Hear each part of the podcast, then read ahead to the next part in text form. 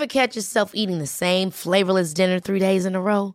Dreaming of something better? Well, HelloFresh is your guilt-free dream come true, baby. It's me, Gigi Palmer.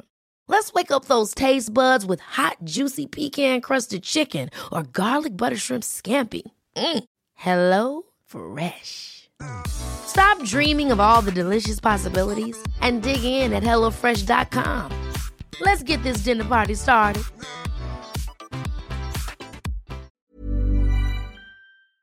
Man kan titta på havet som en enda levande organism som behöver tusen och åter tusen olika arter för att fungera. Ungefär som en maskin behöver sina olika beståndsdelar för att fungera. Och även om du inte vet vad varje liksom, art eller del i maskinen har för specifik funktion, så vet du att när du börjar ta bort de här små delarna, så slutar maskinen fungera till slut. Exakt så är det med havet, exakt så är det med ekosystemet. Och vi har ju, alltså från det minsta lilla plankton upp till det största djuret som någonsin har levt på den här planeten, blåvalen. Mm. Där hjärtat är lika stort som en folkvagn. Alltså, alla fyller en funktion. Allting i havet fyller en funktion så att vi kan leva på land.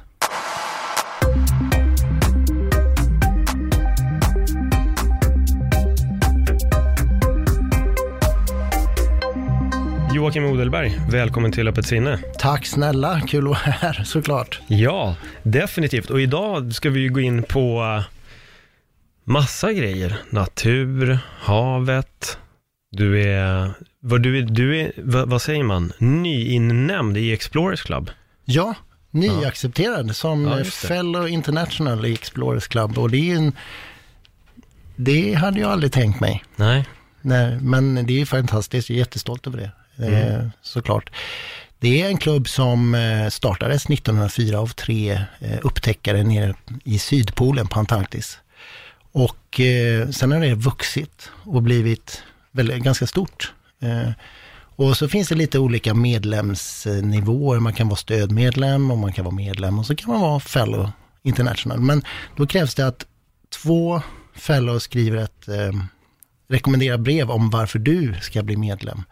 Och då måste du uppfylla vissa kriterier och det är liksom att man har nå- nått ut till en bred publik med någonting nyupptäckt och i mitt fall så var det väl spökgarnen i Östersjön som gjorde, så gjorde, alltså som bidrog i alla fall. mm. Och då har vi då, eh, eh, alltså president Eisenhower, eh, Tore Heyerdahl, Ernst Hemingway, eh, Jane Goodall, David Attenborough kanske sa, men de är, de är fellow international. Så att det är, jag känner mig pytteliten, men väldigt glad att få vara med i den, i den skaran, såklart. ja, men det förstår jag. Det är, ehm, du eh, lyckades ju komma upp med ganska stora namn där. Så det Ja. är härligt, Ja, det är härligt grymt. att få tillhöra den Mina klicken. gurus. jag förstår det.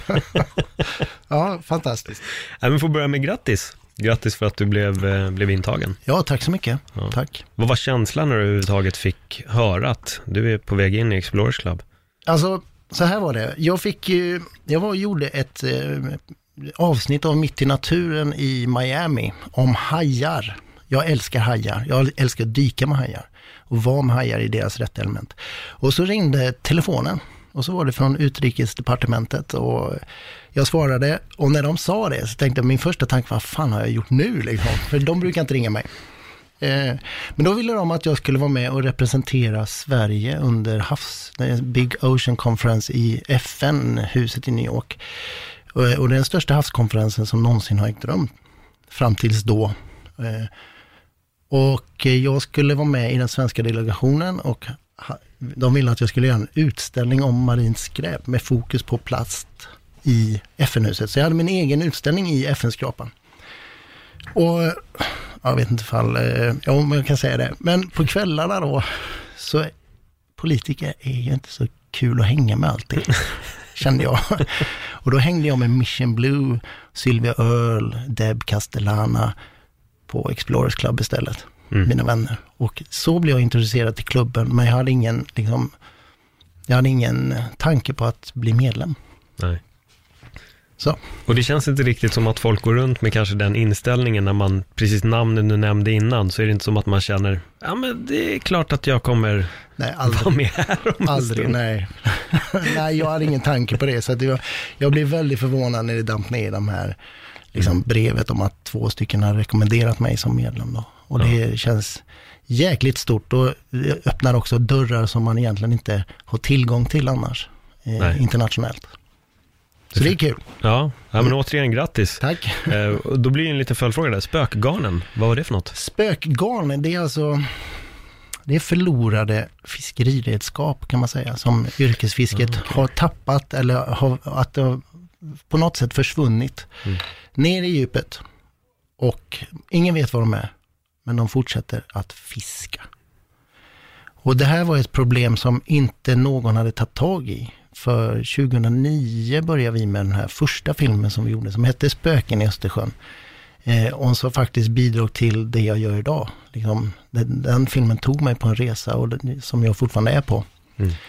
Eh, vi, jag sökte medel hos alla, alla liksom, eh, NGO, Världsnaturfonden, Håll Sverige Rent, Naturvårdsverket. Det var ingen som trodde på att det var ett problem i Östersjön och, och många som sa nej, nej, nej, det där är bara en mediastant. Och sen fanns det en stiftelse som hette Baltic Sea 2020 som trodde på det här och eh, hjälpte till att finansiera den här så att det blev möjlighet.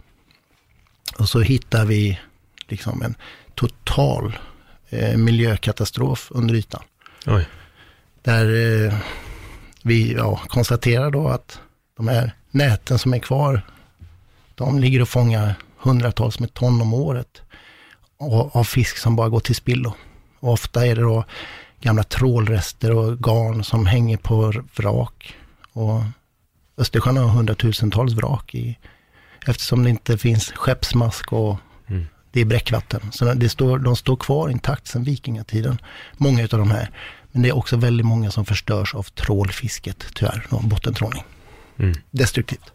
Ja. Så det, ja, det gjorde vi. Sen gjorde vi tre, två följ, uppföljare på den. Och första filmen blev internationell. Alltså TV4 visade den eh, och sen spreds den ut i världen och så fick vi helt plötsligt massa, massa priser. Vilket är jäkligt kul, eh, såklart. Eh, och sen blev vi hedersomnämnda på eh, Blue Ocean Film Festival i Monterey, Kalifornien 2012 tror jag. Eh, av Sylvia Earle och det var så vi kom i kontakt med varandra. Och sen blev faktiskt ordet spökgarn, ghostnets, ett nysvenskt ord i Svenska språkrådet 2013. Åh fan. Så vi satte lite avtryck just med de filmerna. Det var himla, alltså, det är därför man jobbar med det här. Och sen har det också hjälpt till att samla in pengar för de som kan ta upp garnen. Då. Så att det har, det har kommit in pengar som åtgärdspaket kan man säga för att ta upp de här garnen. Hur har det gått? Det har gått bra. Eh, nu var jag precis i förra helgen, eh, innan förra helgen, så var jag på slutkonferensen för Marlit Baltic, tror jag. Marlit Bal- Baltic. Och de har jobbat tillsammans med andra då, runt hela Östersjöregionen med att ta upp förlorade garn. Sen har Baltic Sea 2020 gjort eh, åtgärder också med att ta upp eh, garn från, från vrak. Och man gjorde en test först på 20 sjödagar eller havsdagar då, så tog man upp över 45 ton med, med garn. Åh jävlar. Mm. Så det var, det var jäkla, liksom, det här är ett problem som inte någon vet om. Och i och med att de här, det här materialet är syntetiskt också, det är plast eller nylon, Mm. eh, så, så bryts det inte ner. Utan fäster det på ett vrak eller på någon klippig i botten och sådär, så, och spänner ut, så står det där och fiskar. Och det tar ju då, inte bara fisk, utan det dödar få, sjöfågel, tumlare, Östersjötumlaren som är extremt hotad, säl och så vidare då. Och det är också en sån här jävla eh, jobbig grej som man får reda på med, med, marin, med marina däggdjur. Att när de drunknar så hittar man aldrig vatten i lungorna på dem. Utan de håller andan tills de tuppar av helt enkelt. Och man kan ju tänka sig att sitta fast i ett nät och inte kunna få luft och man håller andan tills man har, allt- eller men det finns brustna blodkärl och oftast i ögonen så där ser man att blodkärlen har brustit. Och en fullvuxen säl kan hålla andan i 45 minuter. Oj. Så det är ja, jävligt plågsamt liksom. Mm. Jag måste, när ni fick upp så här mycket nät, eh, på hur stor yta var det man plockade upp den här mängden ton? Ja, det är inte, det är inte jättestora ytor, det fin- men det är ju på fisk, fiskeriområdena då, både på tråls och där man sätter garn. Det är två olika zoner kan man säga, eller det finns ju olika zoner.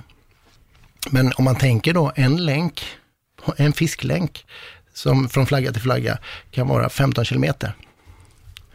Och ja, vi behöver inte gå in på detaljer, men det, det är extrema mängder då. Mm. Jo, det, och det var precis det jag lite var ute efter, för det Mm. låter ju som att det är extrema mängder på, på små, små ytor. Men, men, men rör det sig om att folk bara har kastat mycket av näten, eller är det mycket då, som du nämnde, lite båtar som har sjunkit, eller är det 50-50? Och... Det är lite av varje. Eh, dels dåligt omdöme såklart. Mm. Eh, men jag tror mest att man, jag tror inte att någon egentligen yrkesfiskare vill förlora sitt redskap för det är ganska dyrt att, att köpa nytt. Så att vi stormar eller att de har fastnat på eh, någon annan båt som har dratt förbi eller sådär va. Och så har de dragits med och så har man skurit loss så bara släppt. Mm. Eh, det tror jag att det är den vanligaste orsaken faktiskt. Nu börjar jag tänka på, jag tittade på det här Deadliest Catch Ja, för en massa år sedan. Och då när de lämnade sina, vad är det, det är, väl, det är inte nät, det är burar som de skickar ner. Eh, Så hade de problem med att sälarna bet av snöret till de här eh, liksom bojarna som, som markerar var deras saker är någonstans. Så det måste ju finnas en uppsjö utav eh, liksom krabbfiskekorgar som ligger ja, runt om i, det blir väl Atlanten va? Barents hav. Uppe, Ja, exakt. Eh, uppe i det kallaste, mest kärva hav Ja. man kan tänka sig. Därför heter det Deadliest Catch. Ja, exakt. Men eh, vi behöver inte åka så långt, vi kan åka till västkusten, Ja, där jag kommer ifrån. Eh, och hummerburar, hummertinor. Ja. Det tappas och glöms och eh, slängs en jäkla massa. Så Mm. när vi dyker så ser vi ofta gamla hummertinor med döda fiskar och krabbor och sånt i. Mm. Slöseri.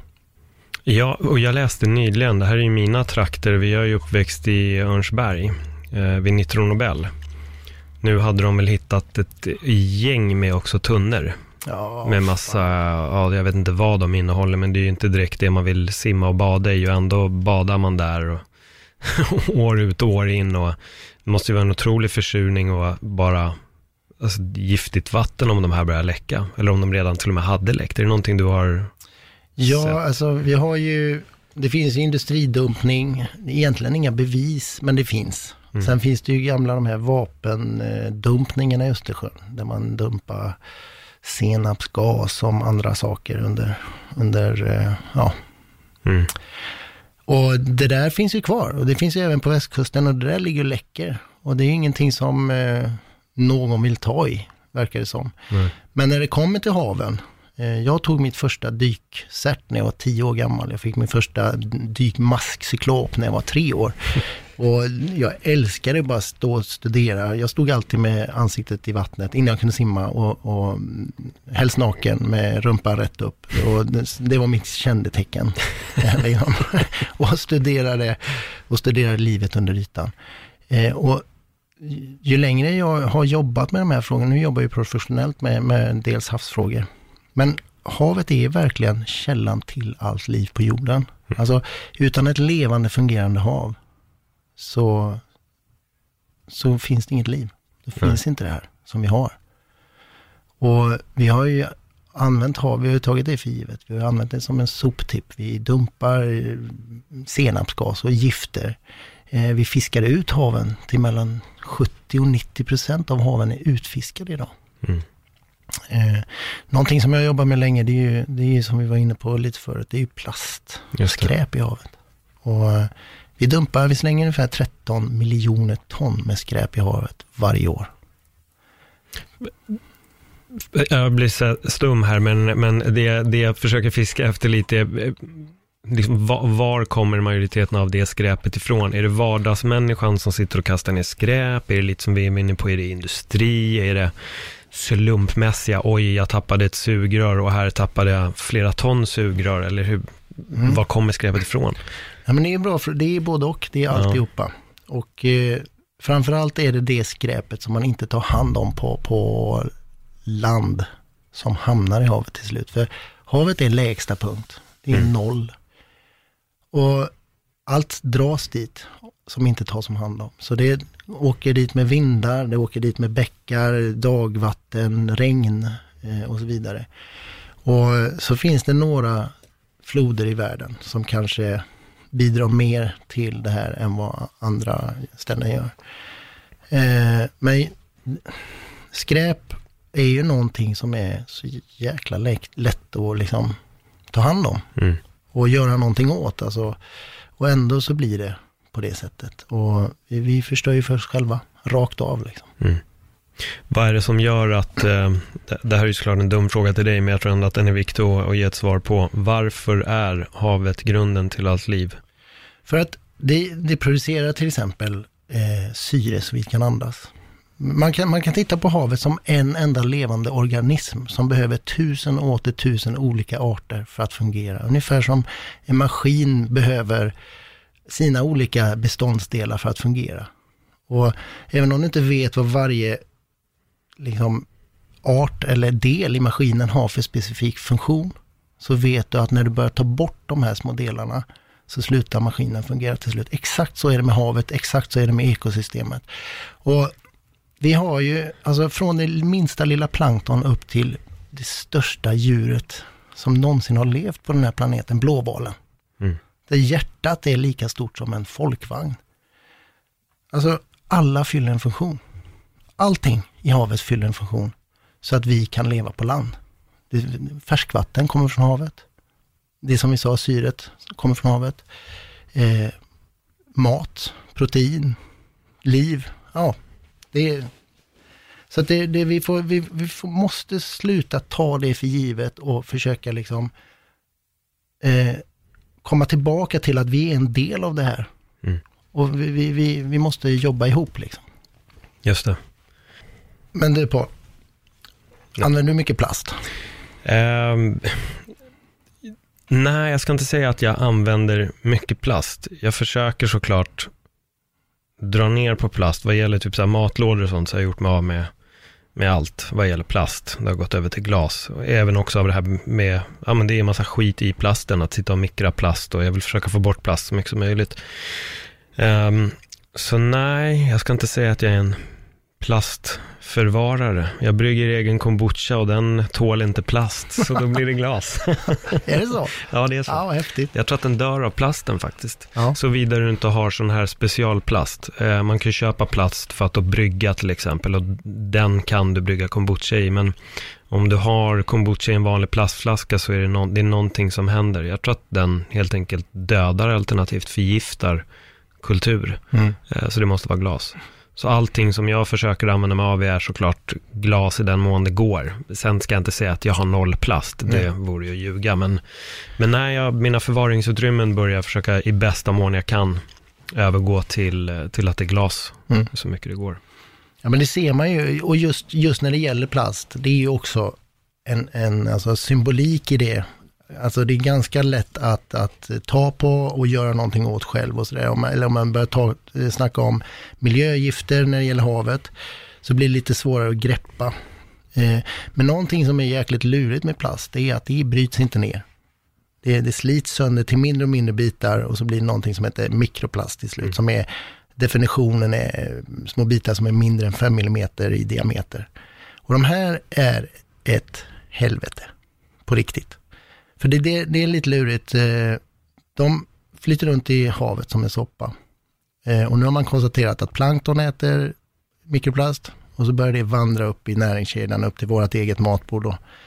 Och så konstaterat, har man konstaterat att de här mikroplastbitarna attraherar eh, gifter och tungmetaller, PCB, tungmetaller, som fäster på de här som farkoster och sen får det plankton i sig, eller en fisk. Då frigörs viss del av de här gifterna och skiten ut i fisken. Och ju högre upp i näringskedjan, desto mer koncentrerad skit finns det i fisken. Så jag tog ett beslut för 15 år sedan att sluta äta någonting från havet. Mm. Jag tycker det är gott, men jag tror inte att det är nyttigt längre. Nej, på grund av plasten. På grund av den skiten som vi har ställt till med. Ja. Mm.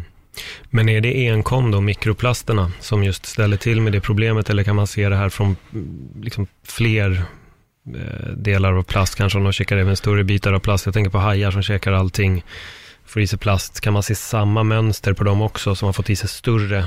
Eh, alltså man, ja, det som man, man, man ser ju ganska ofta här nu med valar som flyter i land med, och så öppnar de upp dem. Och precis, jag läste nu på sociala medier att de fick upp en, en gravid valhona med 22 sopsäckar plast i magen. Liksom. Eller det var någon eh, kaskelottval som de hittade ganska nyligen med 43 påsar, eh, eller säckar plast i magen. Och det gör ju då, alltså, det, de, man kvävs av det. Eh, matsmältningen blir, det, det bryts ju inte ner va. Så det, de, de dör utav att det är mängden plast också. De här större djuren som haj och valar och så vidare. Men det som jag mest, det är, det, alltså det är visuellt, det kan man göra någonting åt, det kan man plocka bort. Det finns resurser liksom. Men mikroplasten är ju någonting som är jäkligt läskigt, tycker jag. Finns det något sätt att få ut mikroplasten i havet just nu, eller forskas det på hur vi eventuellt skulle kunna göra det? Ja, man säger att det tar ungefär en, eh, mellan 400-600 år till plast har brutits ner av naturen. Och om vi skulle kunna häva allt skit nu som, alltså vi stoppar all skit som hamnar i havet, nu, boom, plast. Så kommer ändå de här små bitarna bli väldigt, väldigt svårt att, att göra någonting åt, som det är nu i alla fall. Eh, men jag vet inte. Det, är, alltså forskningen är ju, det går ju rasande fort och de, det finns ju otroligt mycket bra, eh, alltså innovativa lösningar Mm. för saker och ting. Så att, och jag har tillit till forskning. Jag tror på forskning och det måste jag göra för det forskningen som jag också jobbar tvärvetenskapligt med. Liksom. Så du menar att vi kan pausa från fisk från och med idag 600 år fram? Jag säger som, eh, jag, alltså jag gör det i alla fall. Ja, Mm. Sen, eh, sen får var och en komma till under... Men ja, jag hade sett, eh, jag hade sett att folk åt mindre fisk, absolut. Det hade varit bra för eh, liksom bestånden i havet också. Vad blir folks reaktioner när du säger det här? För jag kan tänka mig att många är så här, men gud, ät mer fisk och, och ta bort eh, kött eller vad det nu må vara då. då. Och här kommer du med, du säger inte ät mer kött, men du säger ät inte fisk för att det är egentligen, det är, det är motsatsen till nyttigt. Ja, alltså köttet i sig är ju, om man tar bort allt skit som finns där, så är det ju inte onyttigt. Men på grund av mänsklig, alltså destruktiv eh, påverkan, så har det blivit så. Och det har ju blivit så på ganska kort tid, alltså industrialismen, hur länge har den funnits? 200 år? Ja, det är inte jättelänge. Nej. Och eh, ja, alltså jag känner bara att eh, för min egen, egen hälsa i det avseendet så, så gör jag inte det. Sen är det också så att tre miljarder människor är beroende av fisk som primär proteinkälla i världen. Tre miljarder är ganska mycket och det är inte folk i rika länder oftast. Eh, och det ställer till då för att vi har, vi har svenska fisketroller som köper licenser i, utmed Afrikas kuster, åker dit och sopar totalt rent. Eh, de här småskaliga fiskarna som har funnits där, finns ingen fisk kvar att fiska, vad ska de göra? Det finns inget liv kvar. Eh, vissa blir pirater i Somalia.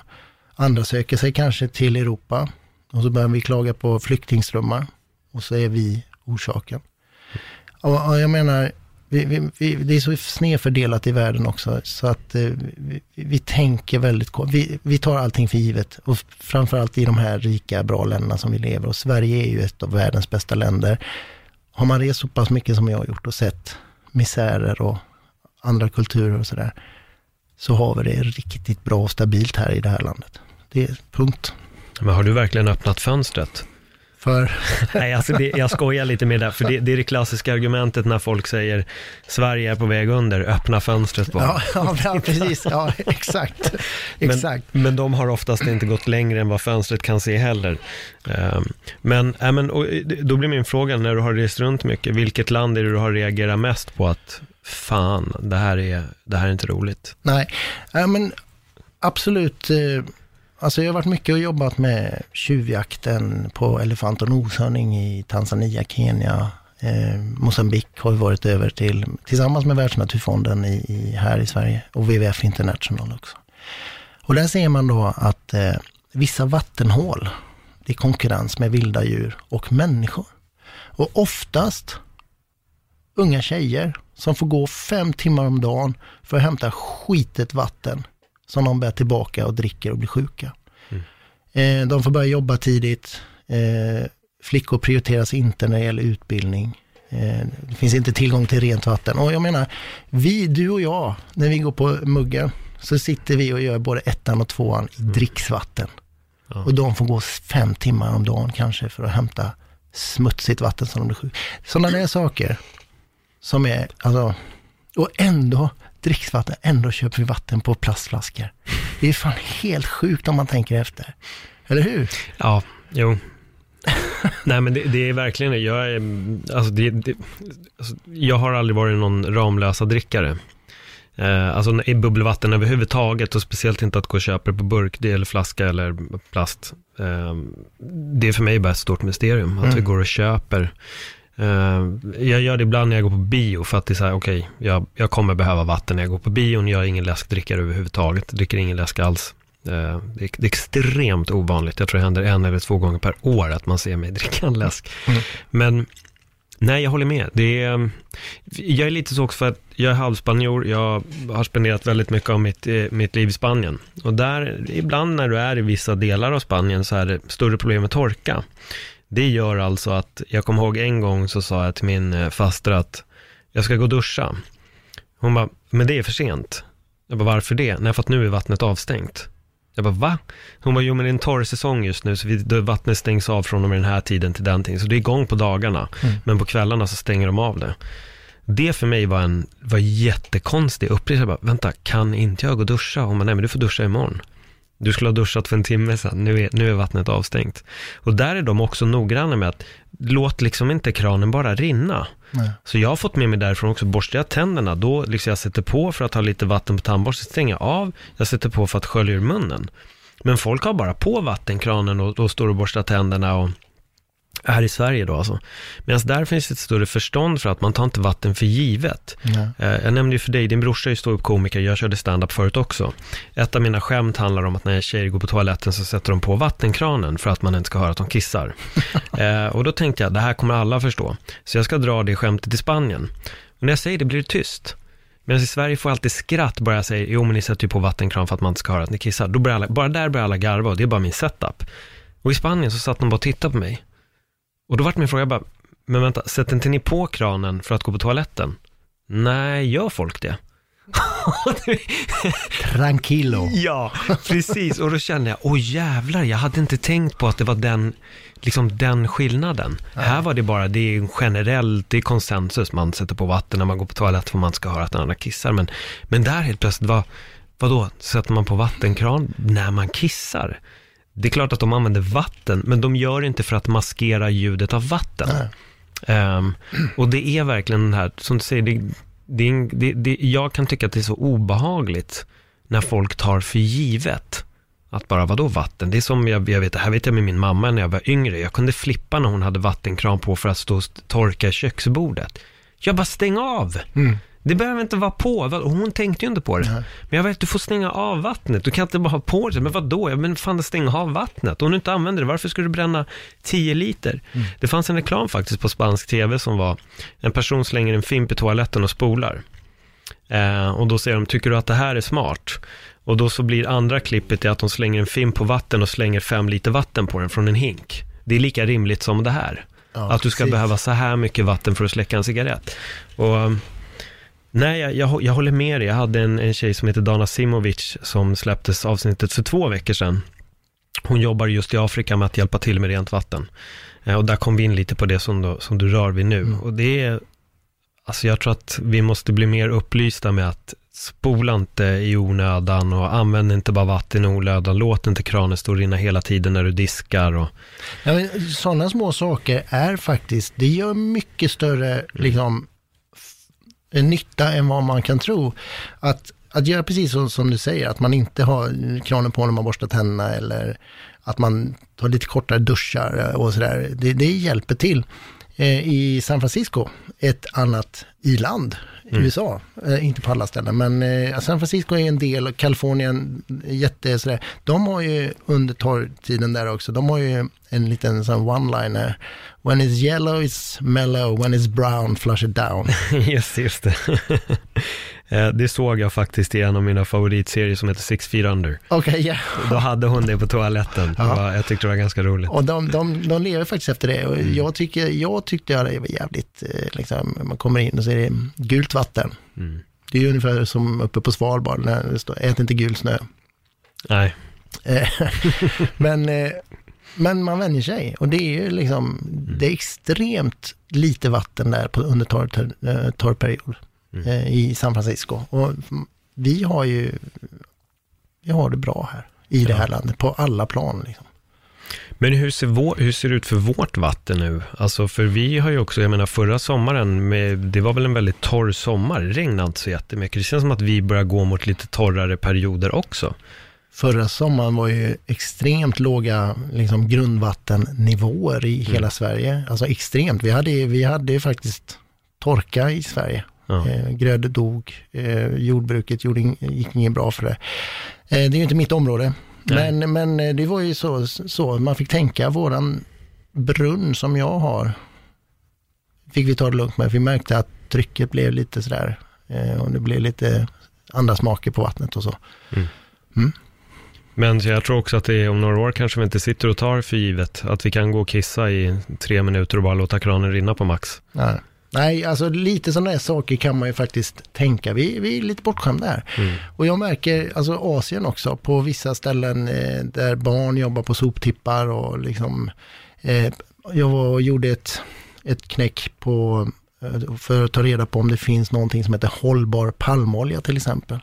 Och konflikten, det finns ju någonting som heter RSPO, Roundtable on Sustainable Palm Oil, som ska vara någon sorts eh, miljöcertifiering som krav eller MSC. Och eh, kom hem då med ett material som vittnar om barnarbete och slavliknande arbetsförhållanden och brott mot mänskliga rättigheter, illegal skövling, eh, förbjudna kemikalier på plantagen och det var bara ett, alltså det var ett helvete. Eh, en av de värsta jobben, men där var det total misär också och man hugger bort, skövlar bort en av världens mest unika regnskogar. Mm. Där det finns arter som bara lever där och ingen annanstans på jorden. Men när skogen är borta försvinner de, som orangutanger, eh, sumatranoshörning, tiger, elefant och så vidare. Eh, och sen blir det monokultur med, med oljepalmer så långt öga kan nå 360 grader. Helt. Det finns ingen hållbar palmolja. Nej. Punkt. Men sen är det väl också att palmolja är väl den sämsta oljan? Ja. Den. Vilket ja. bara är det superkontraproduktivt på många, ja. på, så, på alla plan helt plötsligt. Den är oerhört effektiv till kostnaden att plantera och köpa in eh, ett träd till mm. vad den producerar då. Så är det en jätteavkastning, det är flera hundra procent liksom, mm. per växt eh, eller träd. Men eh, du har helt rätt och man har ju konstaterat att de innehåller höga cancerogena ämnen till mm. exempel och så vidare. Och det är absolut den sämsta olja man kan tänka sig. Och allt det här då med allt, nu är det bara en massa misär, vi måste prata om bra saker också. Men eh, allt det här bara för att vi kanske ska ha bättre textur på choklad eller chips eh, eller vad det nu är då. Eh, men ja, det kan man undvika och det händer saker med det. det folk, eh, folk tittar och läser varor som de köper nu mycket mer noggrant för att mm. välja bort palmolja. Ja, jag har blivit mycket noggrannare vad det gäller väldigt mycket just ja. med mat. Men att se över, men det där med palmoljan är någonting, jag tror faktiskt att jag såg det på Vice för något år sedan. Mm. Jag tror nog att det var just det här du nämner i Asien också. Att de såg ner, jag, jag såg också en ganska otäck grej, det var i Afrika, gällde oljeindustrin. Att de som inte fick jobb blev istället svartoljearbetare. Eh, och där, det, alltså där man såg översiktsbilden så var det ju bara olja över hela det här stället i djungeln. Och det rinner ut i vattnet, rinner ut i dricksvattnet för folk och äh, det var så jävla skrämmande. Mm. Och sen bensinen de hade utvunnit, när polisen kommer och raidar de här ställena, det är inte som att de tar bensinen. Nej, de bara kör hål i tunnorna så får bensinen bara rinna ut.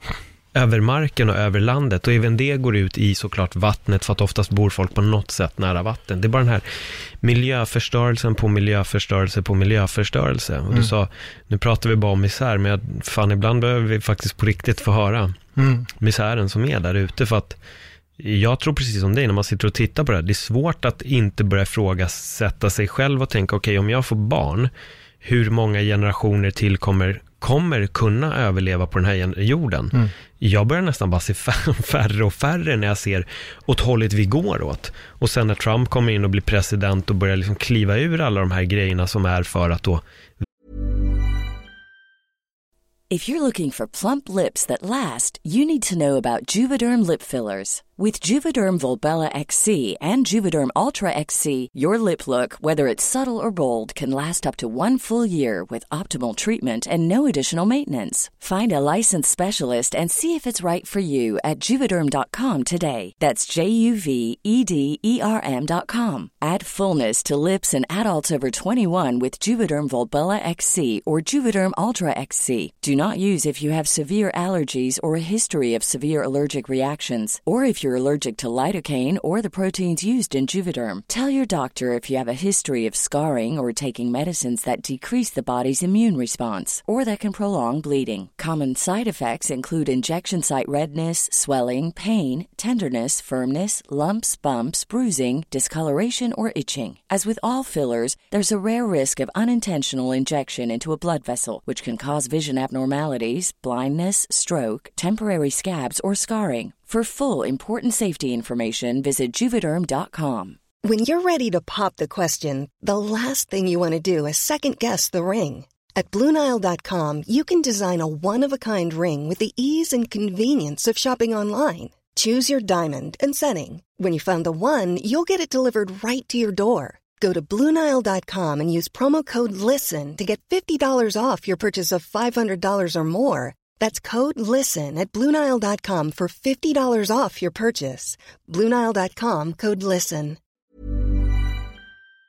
värna om miljön. Ja, det är helt... det är så skrämmande. Det är så destruktivt. Och det, är Ja. så, det är så många steg tillbaka och jag blir så ledsen för det. Men jag vet också att det finns liksom goda krafter som, som tar tag i, i saker och ting. Och jag, var precis, jag kom precis hem från USA. Jag har varit eh, på en ganska lång resa där. Eh, det började i San Francisco och ledde hela den International Ocean Film Festival där. Eh, sen hade jag en panel där vi pratade om globala målen med fyra experter som faktiskt blev vald till festivalens mest intressanta panel, vilket var jättekul. Och sen hade jag barnens middle school and high schools student film competition.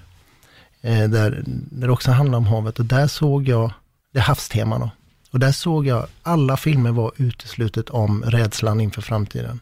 Det handlade om nedskräpning, utfiskning och allt det där, liksom hur, hur lång tid kvar. Och sen åkte jag till New York och var med då på den här årliga ECAD, Explorers Clubs galamiddag. Och då, då får man också tillfälle att sitta med eh, de bästa, eh, mest, vad ska man säga, respekterade forskare på klimatfrågor, på eh, biologer, eh, oceanografer och så vidare. Och jag satt tillsammans med en professor, Dan eh, Lafoy heter han, jobbar på IUCN. Och vi satt och pratade och han har forskat jättemycket på det. Han sa massa, jag behöver inte gå in på det nu för jag vill inte liksom, men han sa saker som gjorde att jag bestämde mig att återigen då, när jag är ute och föreläser och när jag är ute och jobbar nu, att jag inte ska försöka baka in så jäkla mycket i fluff. Utan man får köra liksom, hopp är bra, men vi, vi behöver action nu liksom. Vi behöver faktiskt riktiga åtgärder. Vi behöver ta tag i det här och det, det är bråttom liksom. Vad skrämmer dig mest med framtiden? Ja, alltså... Nej, men det som skrämmer mig mest är att liksom det ska uppstå någon sorts jäkla fiction som Mad Max. Liksom. Men lite så. Eh, att, att, eh, att det kommer vara vissa som klarar sig, att det är väldigt många i världen som inte bor så bra som vi gör, som kommer bli drabbade. Vi kommer få se mycket mer klimatflyktingar, vi kommer se mycket sånt. Men sen finns, jag måste också fan säga att det finns positiva saker. Ja, det, som jag absolut. jobbar, det som jag jobbar med mycket sådär, det är ju till exempel, jag nämnde, nämnde tjuvjakten med, med, på elefant då. då. Det har varit tillsammans med en, min mentor, Dr. Allan Karlsson, som jobbar som Eh, naturvårdsexpert på Världsnaturfonden. Och jag, jag har väl gått bredvid honom nu, eller vi har jobbat ihop i sex sju år. Och han, han är extremt kunnig och hans eh, expertisområde är att etablera nya liksom, skyddade områden i afrikanska länder för vilda djur. Och då var vi i Selo, och, som ligger i södra Tanzania, ett viltreservat, för att söva elefanter, strategiskt utvalda elefanter, och eh, montera på ett satellithalsband så man kan följa dem 24 timmar om dygnet, deras rörelsemönster. Och på 70-talet så levde det ungefär, ströv, i det här området bara, strövade 170 000 elefanter. 2009 var siffran nere på 70 000 elefanter. Och när vi var där 2014 för att inventera så var siffran nere på under 15 000 elefanter. Så tjuvjakten där har jag haft extrema proportioner, 10 000 om året i, mm. inom ett område. Men nu då, på några år, när man har gjort de här eh, satellithalsbanden och, och jobbar med övervakning, så har det gått ner från, alltså från 10 000 elefanter, döda elefanter om året i det här området, ner till 200 elefanter. Och man ser att eh, liksom, populationen, familjen, det börjar öka igen. Och, och det, är en, det är faktiskt en god mm. signal.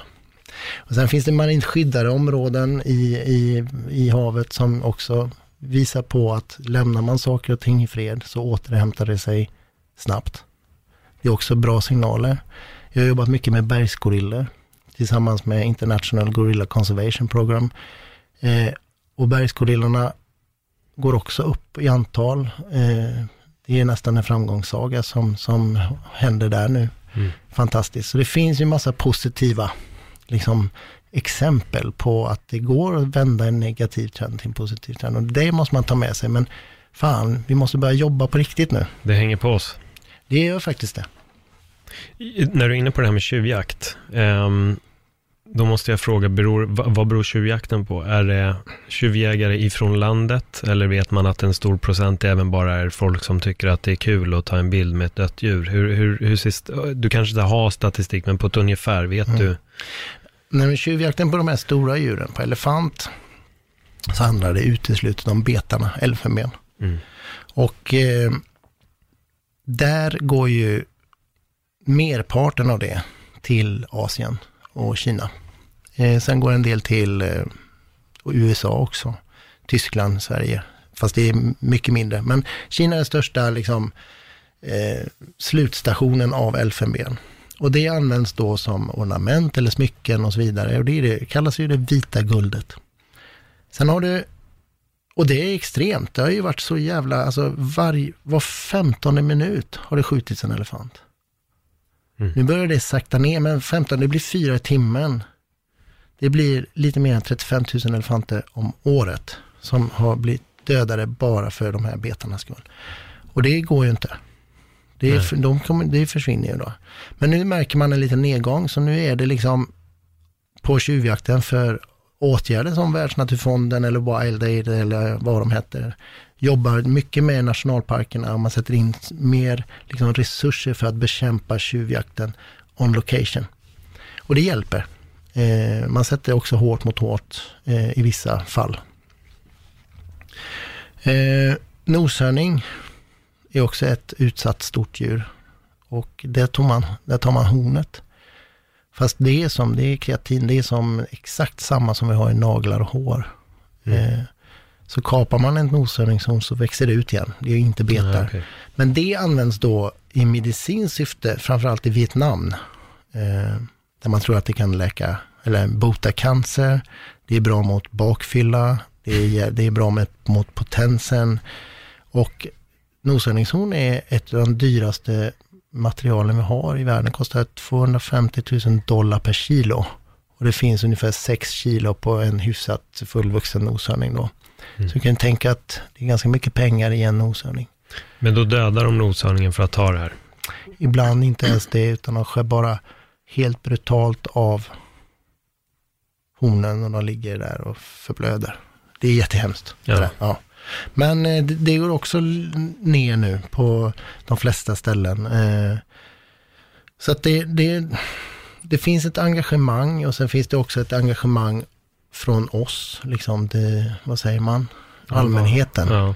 Att vilja hjälpa till. Och jag tror att det blir mer och mer så att människor känner engagemang. Människor är mer eh, oroliga för framtiden och vill kunna göra skillnad och det, man kan det. Mm.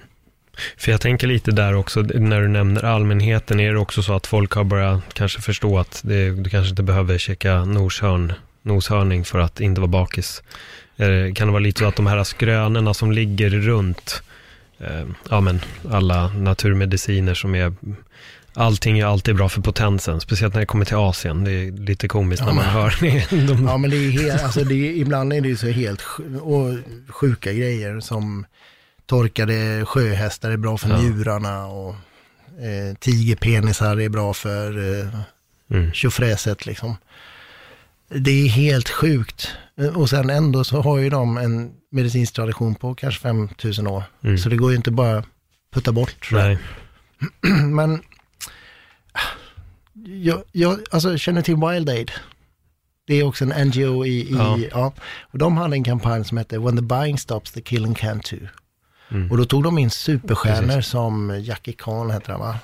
Karate. Ja, Jackie Chan, ja. Jackie Chan heter han. Mm. Han står så här eh, med armarna i kors bredvid en noshörning och så står det liksom When the buying stops the killing can too. Och sen tog de in en, den största kinesiska stjärnan i basket. Ja, jag vet inte vad han heter, men han som är i NBA. Ja, Mm. som är ett 3,40 Ja, lång. det är nog helt sjukt. Något däromkring. Han, eh, han behöver inte hoppa när han dunkar. Han bara. Eh, han gjorde också, och då gjorde de det så jäkla bra så att eh, de hade on location på riktigt så hade de sett hur fiskare såg av, eller eh, skar av fenorna på hajar som de gör och så kastar de i hajen levande igen. Jag har precis skrivit upp att jag ville prata om är- jo, jo, det är perfekt att du tar upp det. Okej, vad var frågan där då? Nej, det var hajfensoppa bara. Jag, Okej. jag bara antecknat att, för att just när du var inne på att såga av betarna så tänkte jag på att man skär av fenorna och bara slänger ner hajen Mm. och låter den bara drunkna på botten. Mm. För utan fenor så kan den inte simma. Nej. Och utan många, det finns ju bottenlevande hajar, men det är många hajar som måste simma hela tiden för att syresätta sina gälar. Mm. Och är fenorna borta då så sjunker de ju bara till botten och så kvävs de ihjäl. Mm. Och det är ju, det är ju fruktansvärt. Eh, sen hajar då, jag älskar ju hajar. Ja, Och inte att äta då, utan Nej. simma med. Och eh, det, det är en av anledningarna till att jag ville börja dyka från när jag var liten. Det var att få simma med haj någon gång. och sen fick jag ju det. Men då, Wild Day gjorde den här kampanjen, When the buying stops, the killing can too. Och då gjorde han, då hade de hittat en haj som låg på ett korallrev utan finnar. Man ser hur blodet sipprar ut från där de hade skurit. Och den kroppar de in i ett akvarium på en hajfensrestaurang i Kina. Och så ser man hur han skjuter ifrån skålen från, sin, från, från sig. Och så säger han det, så, when the buying stops the killing. Och så är det massa kineser i, i restaurangen som ser honom och så gör de samma sak. Boom. Och det finns, du vet, det dödas mellan 75 och 100 miljoner hajar om året på grund av den här eh, soppan. Plus bifångst, plus kanske rädslor också. Men framförallt soppan. Och det är en jättebusiness då för medelklassen i Asien. Vid bröllop och 50-årskalas och, liknande. Eh, brosk. Ingen näring. nej. Bara skit. Sen är de toppredatorer också, så de innehåller nog otroligt mycket giftiga ämnen. Liksom. Mm. Men eh, de är ju kungar och drottningar av havet. De är ju värsta coolaste apex-predatorerna. Det är ingen över dem. De håller balansen liksom. Så tar man bort den så blir det snedfördelning. Och liksom från den minsta lilla hajen eh, till vithajen då, så de är ju otroligt häftiga att att uppleva i sitt rätta element och få dyka med de här eh, djuren. Har du dykt med haj? Nej, alltså, eh, nej jag, har, jag har faktiskt inte dykt alls. Eh, men det är också, jag har problem med en trumhinna. Okej. Så, så fort jag går ner, för det gör skitont. Jag, Okej. har, jag har en trumhinna som är ihoptryckt. Jaha, okej. Eh, och det hände när jag flög. Det All kändes right. som en kniv i örat när vi skulle landa. Det gjorde så jävla ont alltså. Jag förstod inte vad det var. Först typ något år senare när jag upplevde, att jag upplevde att jag hade sämre hörsel. Och tro, då trodde min mamma att du kanske har en vaxpropp eller någonting som sitter långt in. Och då gick jag och kollade och sa nej det har du inte. Eh, och då började han undra, vad, vad, vad kan du ha gjort för din trumhinna är ihoptryckt? Och då slog det mig, bara, det måste ha varit när jag landade, för jag fick sån smärta. Han bara, men det är där. Och det, det är inte helt ovanligt eh, att man kan Men var du förkyld eller så då? När du... Nej, inte vad jag minns. Jag har Nej. alltid bara haft, alltid när jag har flugit så har jag fått problem med öronen. Det gör Okej, ont ja. liksom. Eh, och det, det, det trycker och på senare tid så börjar det trycka mer och mer och mer. Och det var en gång när jag flög där jag kände hur det blev sånt oerhört tryck i örat. Och till slut så det, det smällde till och det kändes som att någon satte en, rätt in en kniv i mitt. Vänstra öra. Men det går att ligga på ytan och guppa med hajar Mm. också. Ja, men ja, jo, jag, nu tänker jag mer på att dyka djupt. Ja. Jag är en sån som gillar att liksom ligga bara på ytan och kolla och dyka ner liksom en eller två meter utan, utan luft. Det har jag gjort i Thailand. Eh, Det räknas. Ja, det är. Okej, Ja. då har jag, då har jag ändå dykt. Ja. Eh, jag har simmat faktiskt bredvid en liten, liten haj, för vi hittade den när vi hamnade på någon av öarna. Okej. Så sa folk att det är en mini, mini haj som simmar runt där. Jag lyckades filma den och den är kanske, ja, vad kan det vara, tre, fyra, fem decimeter lång. typ, Oj. Mini. En lite, och sen var den grå kanske, Ja, och exakt, så var den exakt. lite vitare under, Ja. och sen en liten svart felspets där. precis. Det var en Ja. svartfenad revhaj. Ja, men så fort någon säger, har du simmat med hajar, då tänker jag så här vit haj, bull shark. Men hur är det? Jag måste fråga, vi, liksom, för jag antar att du också har simmat med vithajar? Sim, nej, jag har inte simmat med vit haj. Nej. Det har jag inte gjort. Men jag har däremot eh, tigrar och jag är inte, alltså vi ska göra vit haj alldeles strax. Mm. Men jag är inte för bur och att man matar in haj och liksom sådär, utan det är alltid i forskningssyfte som jag jobbar med de här arterna då. Och eh, tigerhaj, som är den tropiska motsvarigheten kan man säga. Eh, tjurhaj, hammarhaj, eh, citronhaj. Och ja, så vi gjorde också med Mitt Naturen när jag var programledare där, så gjorde vi, kunde vi vara med och styra upp vad man ville göra för program. Och ett av dem ville jag skulle handla om haj och att vi inte står på menyn, utan att de är ganska liksom harmlösa om man respekterar dem. Så jag snorklade, jag simmade, jag dök med, med alla de här olika då. Och, och hur är det? Precis som du säger, vi står inte på menyn och det är det man hör eh, mer och mer när Mm. man tittar på just folk som faktiskt vet något om hajar och inte folk som bara är rädda för hajar. Precis. Och oftast är det ju surfare, surfing Exakt. dudes som råkar illa ut och de, de oftast då så går de efter jobbet. Antingen tidigt på morgonen drar de ut och surfar eller på efter jobbet. Och det är precis då som hajar är aktiva. Mm. Och sen då så underifrån när man ligger på en surfingbräda så ser man ut mer som en säl eller sköldpadda än en människa. Och ofta vad hajar gör då, de som är potentiellt farliga, de simmar fram och så tar, känner de med tänderna, de har inga händer, så han känner med tänderna. Och det är ju oftast tillräckligt för att det ska vålla ganska stor skada, men man blir inte uppäten Nej. oftast. De är inte intresserade. Det är samma när jag har varit uppe, jag har varit uppe några gånger och dykt med späckhuggare i Tromsö och, och filmat dem. Och det säger folk också, att du vågar liksom. Men de, de, de bryr sig inte. Nej. Det är ju bara så jäkla coolt. Alltså när det kommer fram en stor 9000 kilos hanne och kollar in dig liksom.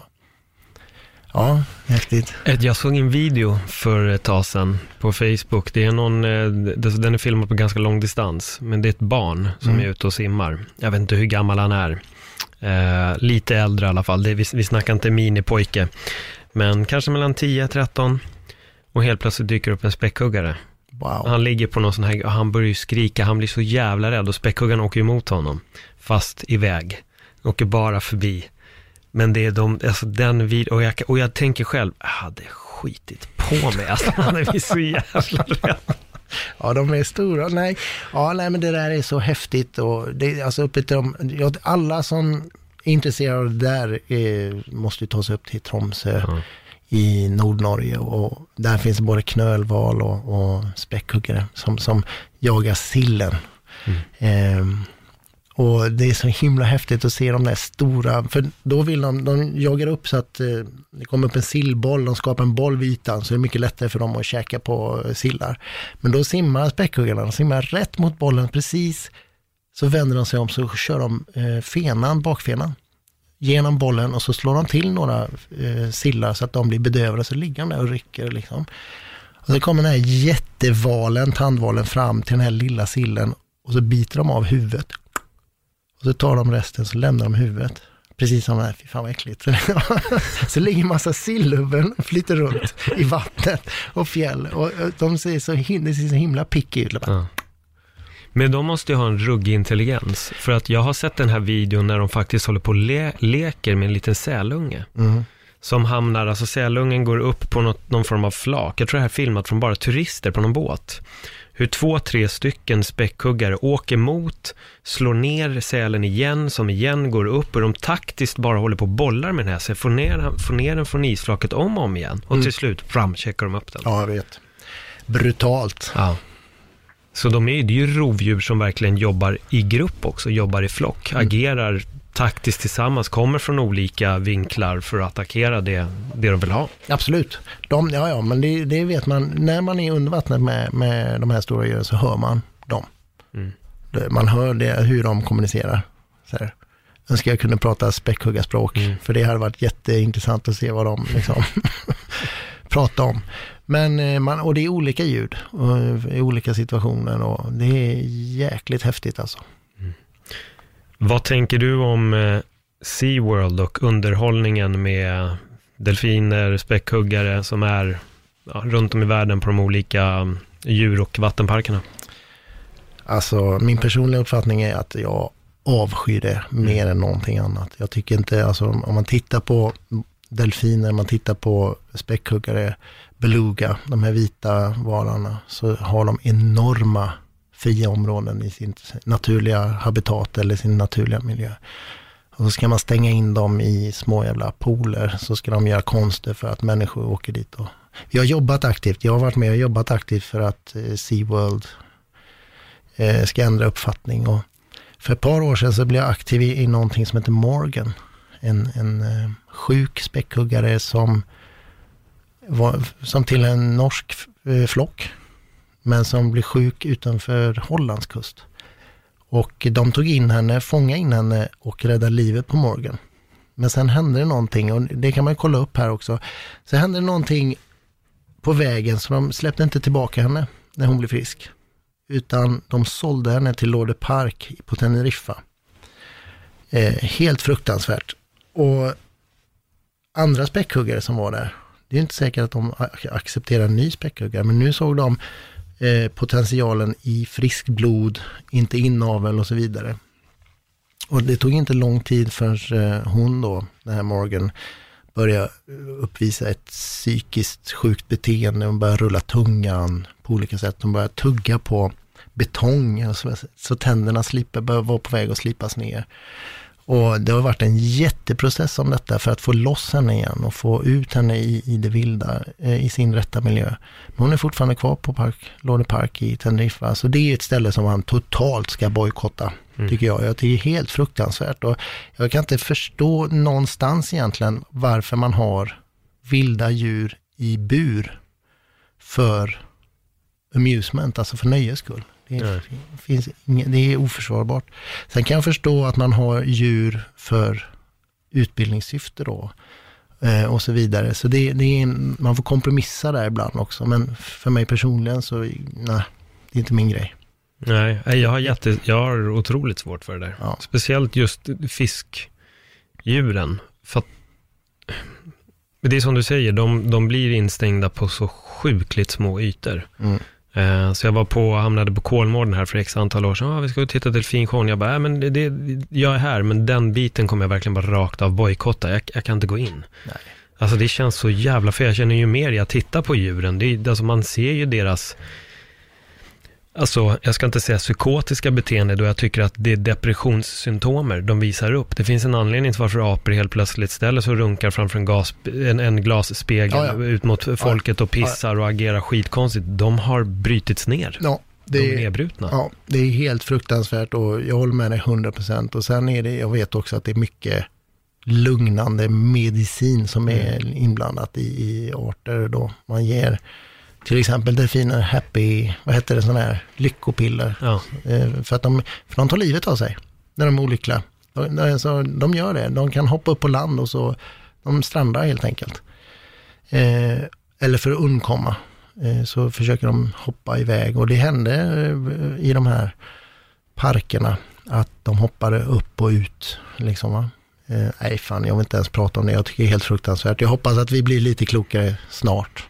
Men det känns lite som att det ändå går åt rätt håll, eller har jag fel? Det Nej. känns lite som att folk börjar uppmärksammas. Jag, för, för jag blev väldigt påverkad av dokumentären The Cove.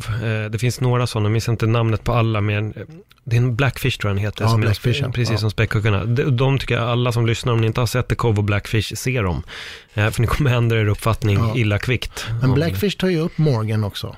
Ja, är det den de tar upp i den? Ja. Okej. Det också. Mm. Men sen är det ju också eh, SeaWorld, eh, den eh, Ja. worken där som, eh, som eh, det är helt fruktansvärt det där. Alltså, absolut, bra filmer. Jag bra tycker filmer. han tar upp en så bra poäng i The Cove, för han var väl den som jobbade med Flipper eh, för länge sedan, om jag inte har helt fel. Killen som, som ja, har varit Det var med han och som gjort. tränade Flipper. Ja, exakt. Ja. Och han säger det att de förstår vad vi säger, vi förstår inte vad de säger och då säger han att det är en envägskommunikation. De sitter med så mycket intelligens, istället borde vi kunna lära oss att faktiskt kommunicera med dem på riktigt, för att då kan vi lära oss så oerhört mycket om havet. Mm. Istället för att, åh, lär dig att slå en volt eller ät en fisk på ett roligt sätt. Låt lite och åk, åk bakåt. Istället, och jag, när han säger det, det är så kristallklart. Mm. Vi lär oss, alltså om vi nu jobbar med dem på det sättet, försök att lära sig istället hur kan vi kommunicera mer och mer i det fria.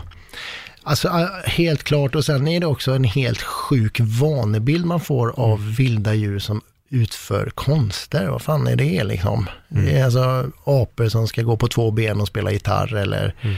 du vet. Eh, det blir helt fel. Det, ingen, det finns ingen utbildning eh, utan det handlar ju bara om deg och eh, ja, destru- skit skulle jag vilja säga.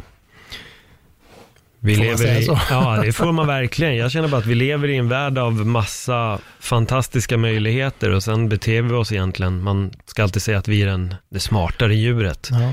Men vi agerar ju jävligt korkat vad gäller väldigt, Men väldigt mycket. det är ju faktiskt, det är ju faktiskt styrkan i eh, snabbare kommunikation idag som eh, sociala Mm. medieplattformar och sådär.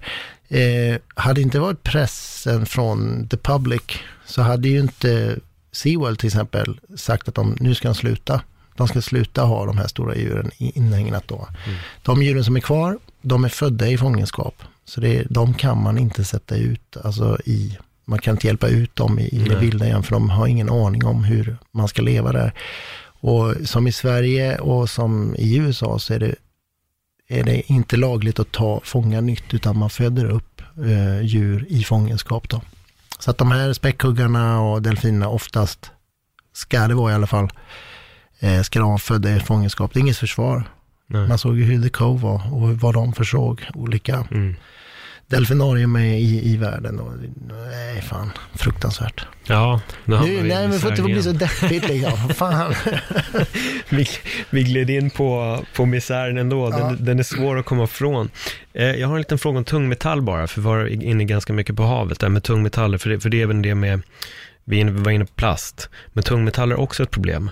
Hur, hur, hur stor är balansen på skillnaden? För du är mer rädd för plasten än tungmetallerna när det kommer till fisk, om jag förstod det rätt. Ja, alltså, ja det är jag. För, för att eh, plasten blir som små farkoster. Eh, tungmetaller sjunker ju oftast till botten då. Men då finns det alltså då har man sett att kvicksilver till exempel fäster på de här plastbitarna. Eh, I små, i små eh, volymer såklart. Vi, alltså vi snackar om en plastbit på kanske mindre än 5 mm i diameter. Men eh, många bäckar små. Alltså virvlar man runt och fiskar går och käkar i bottensedimentet och att det attraherar och de här små plastbitarna flyter runt och det kommer in i, i olika arter, fiskar och så vidare. Och det blir mer och mer koncentration ju högre upp i näringskedjan. Det är skitläskigt. Alltså tungmetaller är ju kvicksilver. Jag, vet, jag känner ju folk som har blivit kvicksilverförgiftade för att de ätit för mycket plattfisk. Liksom. Eh, Vad har hänt då? Nej men de, alltså de värdena är lever, alltså allting blir kast liksom. Mm. Men det går, att göra, det går att åtgärda, men det är inget, alltså, fan ska det vara så? Att man inte kan äta plattfisk utan att bli sjuk liksom. Det är ju helt stört. Och s- vi måste, jag tror att det är, vi vi vanligt dödliga människor, vi kan ställa oerhörda krav på allting i vår omgivning. Vi kan ställa krav på vår, alltså, tillverkare, producenter, stora ICA, Coop, Willy, alla de här. Vi kan ställa krav på dem. Det är vi som gör så att de tjänar pengar. Då ska vi kunna ställa de kraven att, att jag vill ha det på ett speciellt sätt också. Helt klart. Ja, när du är ändå inne på det så reagerar jag på, vi pratade om lite kött och sånt innan vi började spela in här. Då var jag på, jag minns inte vilken butik det var, men var inne i en matbutik och så hittade jag naturbetat kött. Mm.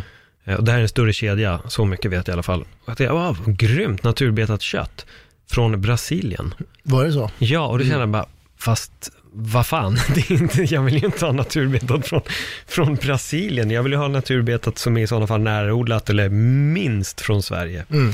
Eh, alltså jag är inget fan av att, jag reagerade också i en annan butik så var det också att de hade massa amerikansk kött.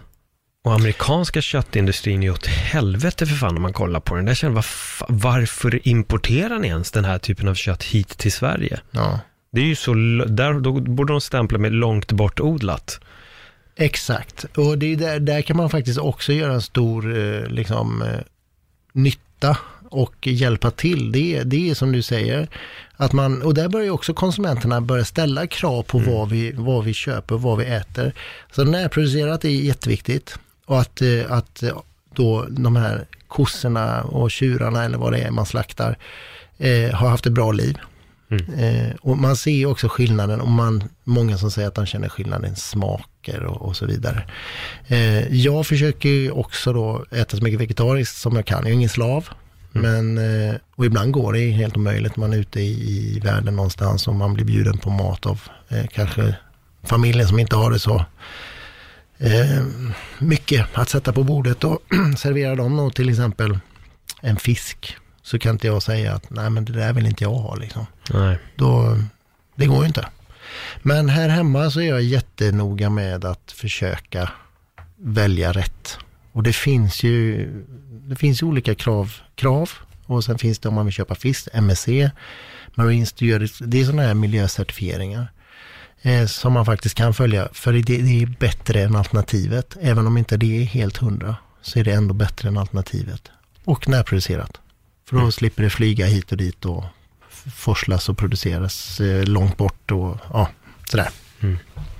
Om, om vi ska avrunda på en så här, med en liten härligare känsla, glida Ja. ifrån lite misär och sånt.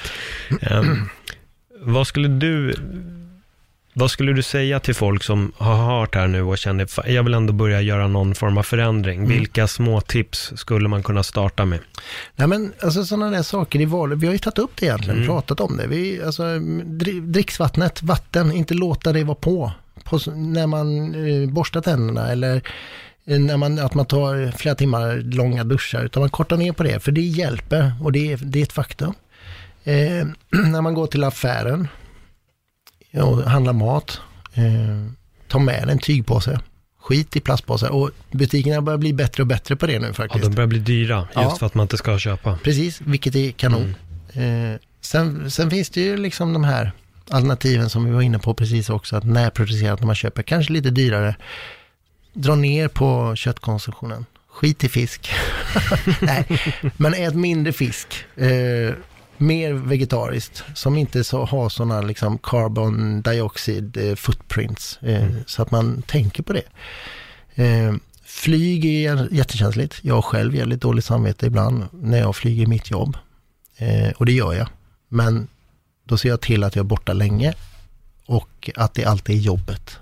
Så jag tar aldrig någonsin och flyger en weekend till Mallorca för att, för att jag kan. Liksom.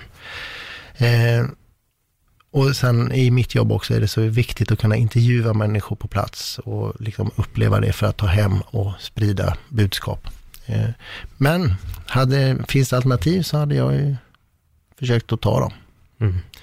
Flyga mindre eh, på nöjes, såna här, eh, nöjestrippar, korta nöjestrippar. Det är så jäkla onödigt. Vad finns det mer? Le. det är viktigt. Mm. Och vara positiv ändå. Liksom, eh, ja, Var, var en snäll människa. Mer kärlek är faktiskt viktigt också. Vi lever fan i en värld nu som är ganska hård och karg och vi går ofta ut och säger att det är, Sverige är på väg ner i skiten och vi är, vi är totalt värdelösa. Alltså det är ett upplopp här, det är extremt. Va? Men vi bor i världens bästa land och så är det. Var glad för det. Ja. Ja, det, det är skönt att höra, för jag tror också att, som jag skojade om lite innan det här med har du öppna fönstret, kommer man ut också och ser skillnaden i världen, så det, det är först då man fattar fan hur bra man har det. Mm. Ehm, bara så sagt att vi kan pissa i dricksvatten säger ganska mycket. Eller hur? Mm. Joakim Odeberg, om folk vill få tag på dig, följa dig i dina äventyr, var, var kan man göra det? Man hittar mig på Instagram Mm. i mitt namn.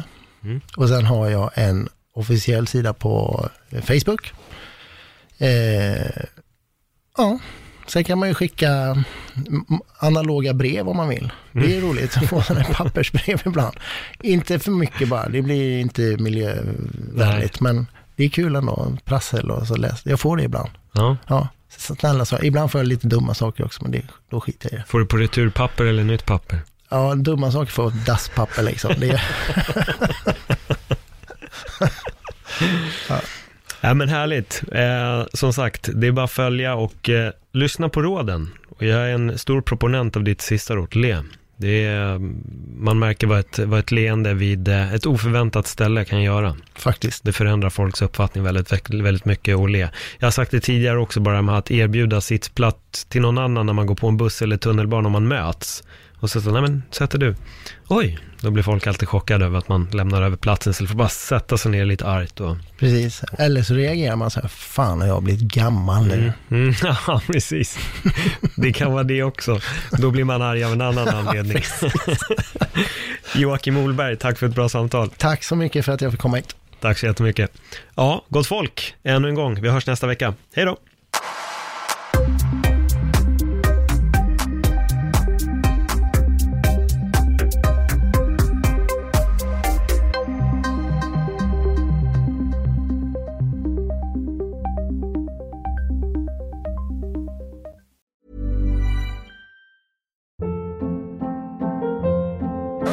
Hold up. What was that? Boring. No flavor. That was as bad as those leftovers you ate all week. Kiki Palmer here, and it's time to say hello to something fresh and guilt-free. Hello Fresh. Jazz up dinner with pecan-crusted chicken or garlic butter shrimp scampi. Now that's music to my mouth. Hello Fresh. Let's get this dinner party started. Discover all the delicious possibilities at hellofresh.com.